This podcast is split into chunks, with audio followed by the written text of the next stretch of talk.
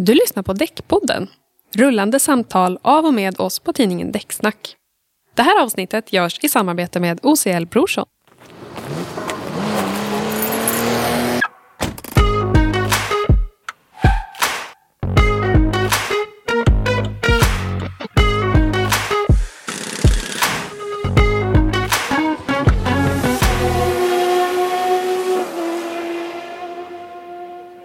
Idag befinner vi oss alltså hos OCL Brorssons i Norrköping.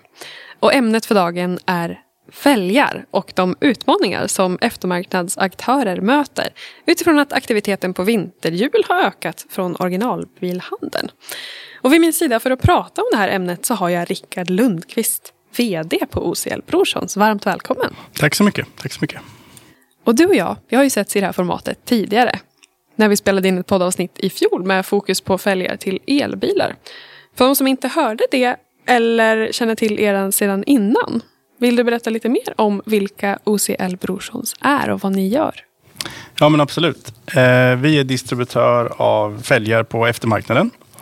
Vilket innebär att vi eh, inte säljer fälgar till bilarna som rullar av bandet utan vi säljer fälgar till bilar när de har rullat av bandet. Och vanligtvis då vinterhjul eller om någon vill uppgradera sin bil.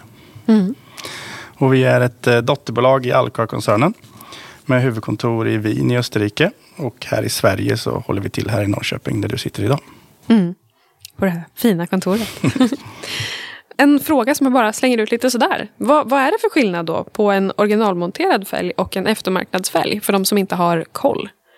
Eh, vanligtvis ingen, eller i alla fall väldigt lite. Mm. En eh, originalfälg är ju ofta tillverkad för en dedikerad bilmodell.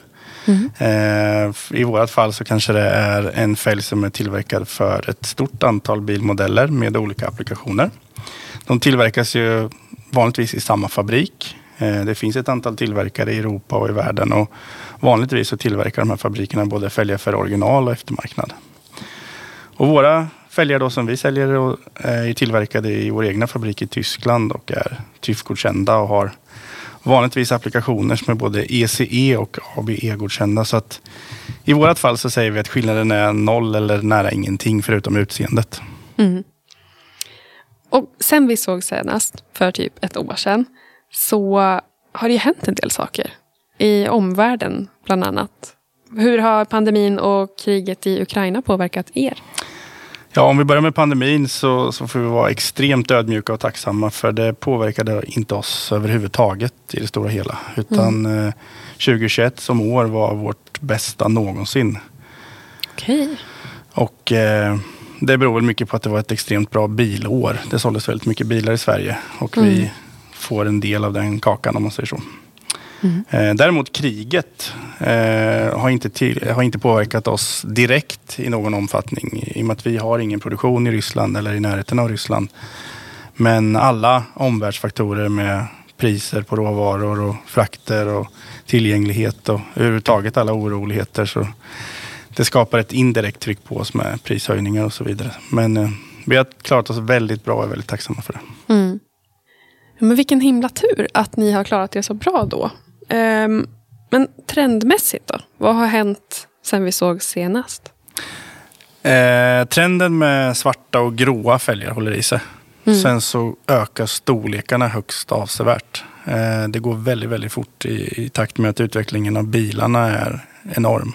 Mm. Eh, så det som tidigare var standard för oss 16-17 någonstans är litet idag. Idag är vi uppe på 18-19 i mycket, mycket, mycket större utsträckning. Så, att, eh, så vi ser också att eh, elfälgarna till elbilarna har ett något järvare utseende. Mm. Och det har vi också försökt att hänga på lite grann i våran värld. Mm. Där vi kommer med lite nyheter nu med lite mer stängd design som passar de moderna bildesignerna. Ja, men hur, hur kommer det sig att det är just eh, stängd design som är inne? Jag skulle säga så här att jag tror att om du tar Mercedes som ett exempel så har de ett utseende på sina traditionella bilar som drivs med diesel och bensin mm. och hybrider. Och sen har de ett annat utseende på deras rena elbilar.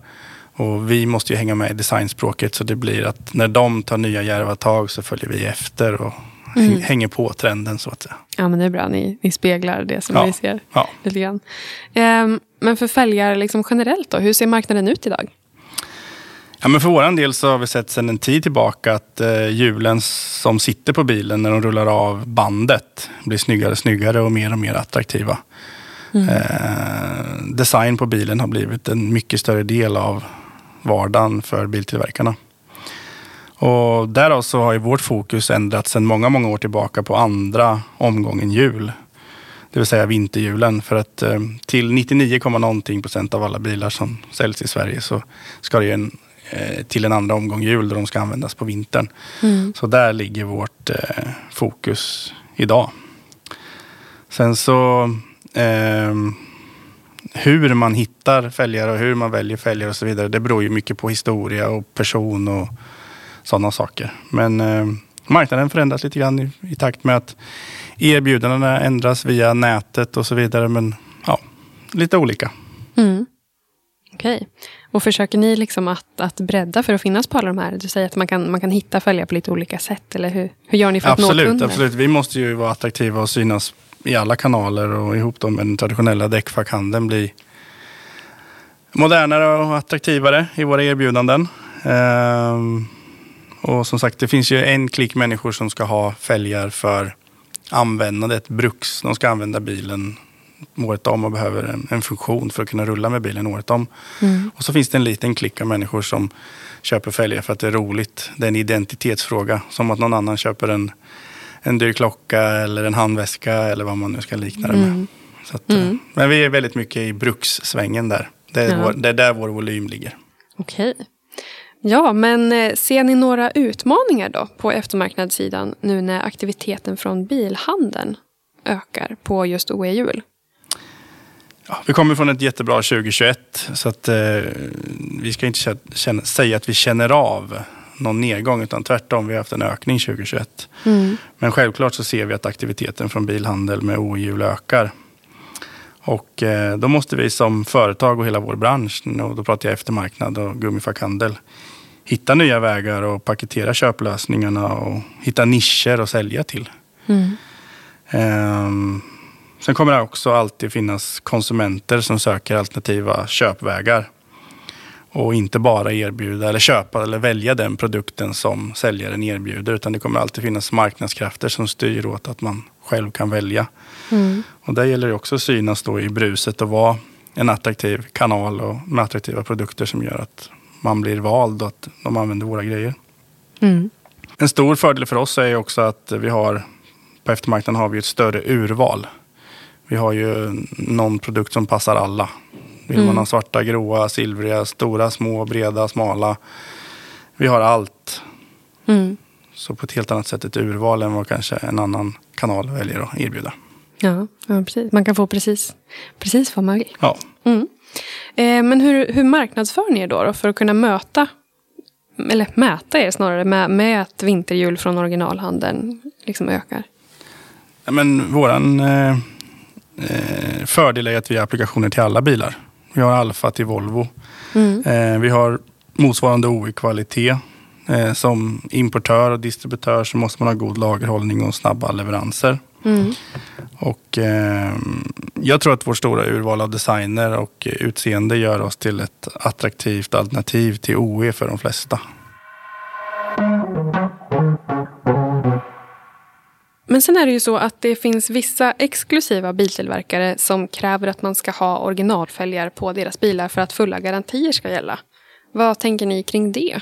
Ja, det här är en diskussion som har eh, kommit och gått lite grann. Och, eh, generellt sett så kan man säga att det är en konkurrensbegränsning som inte håller juridiskt. Mm. Eh, det är ju nästan till omöjligt för en bilimportör eller en biltillverkare att bevisa att vår produkt skulle vara orsaken till någon typ av problem på bilen.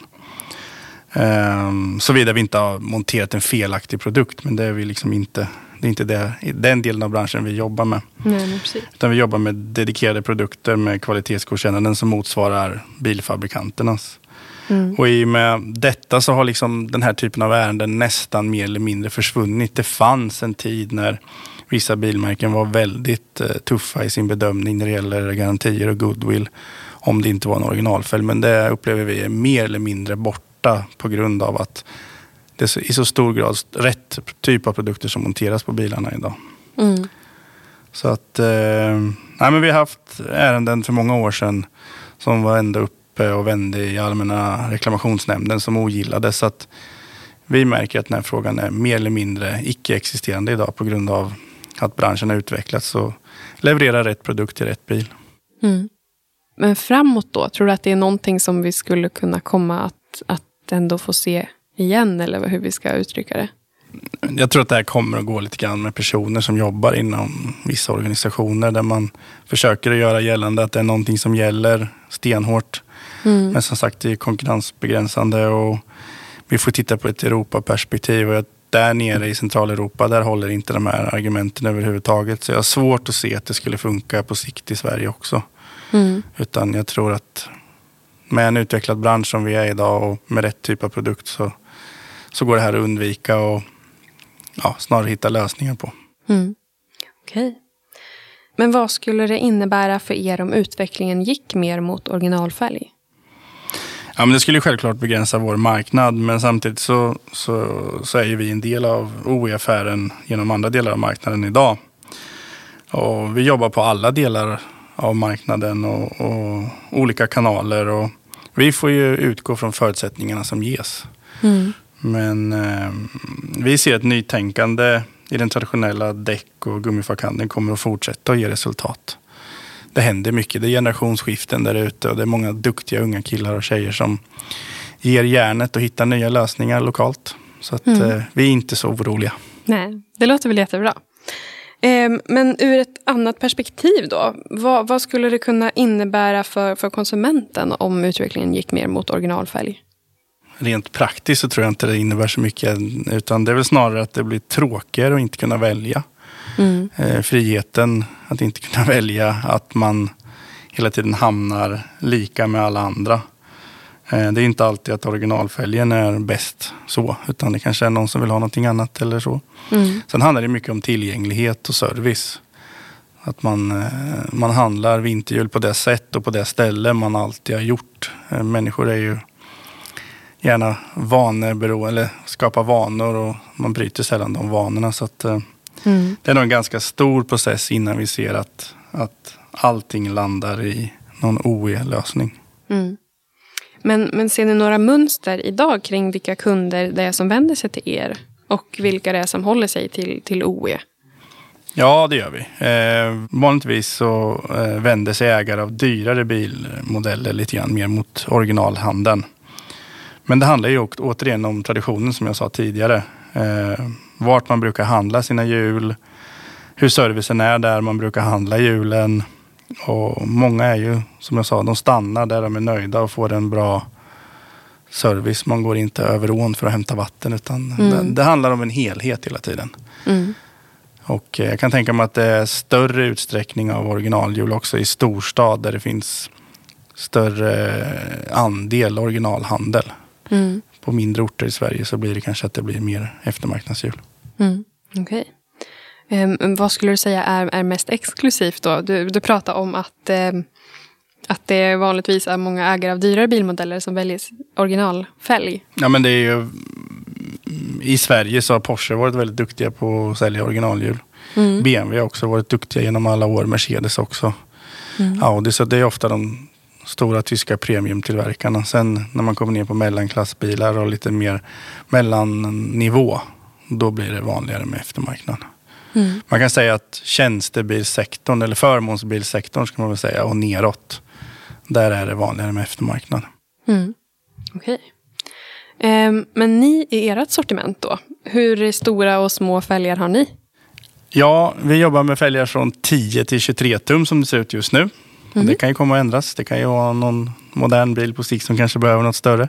Mm. Eh, det får vi se. Men eh, generellt sett så kan man säga att vi har fälgar och produkter till alla fordon som rullar på väg. Mm. Så att inga entreprenadmaskiner och hela den här biten. Och eh, på väg inkluderar det även då bussar och lastbilar och, och hela den mm. biten. Okej. Okay. Vad, vad ställs det för andra krav om man tänker personbilsfälg jämfört med lastbil och buss?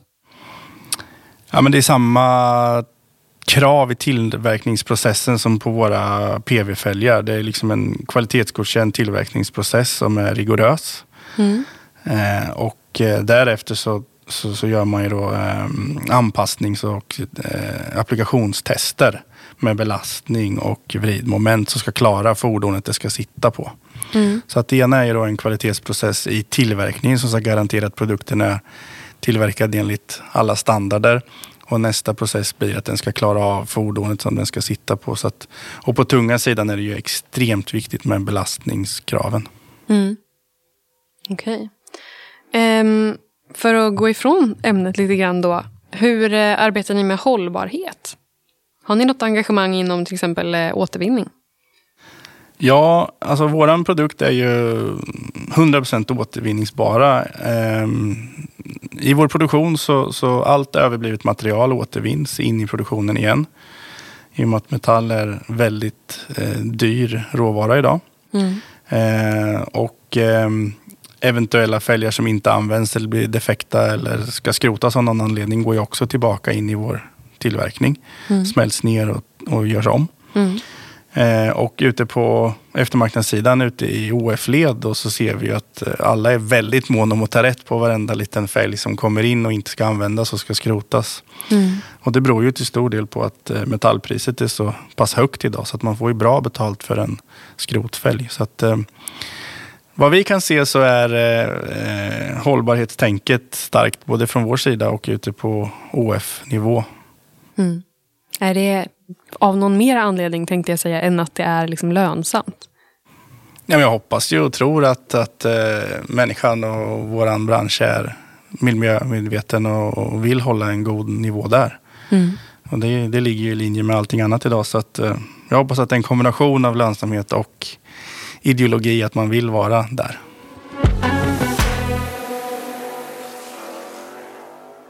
Ja, vi ska ta och runda av det här avsnittet som blev lite kortare kanske än vad några andra avsnitt har blivit. Men vi har ju ändå avhandlat en hel del. Ja. Eh, och jag tänker att vi avslutar med att spana lite grann mot framtiden. Och kolla lite grann på hur du tror att marknaden för fälgar till vinterhjul just ser ut i framtiden. Ja, det här är någonting som vi funderar mycket på och, och över tid så är det nog paketeringen och helheten vid köpet som kommer vara avgörande på sikt. Mm. Eh, och vi på eftermarknadssidan, vi kommer behöva bli mer attraktiva med kanske fast månadskostnad på vinterhjul, kanske ha möjlighet att skifta flera gånger per säsong. Utsatt kostnad för det.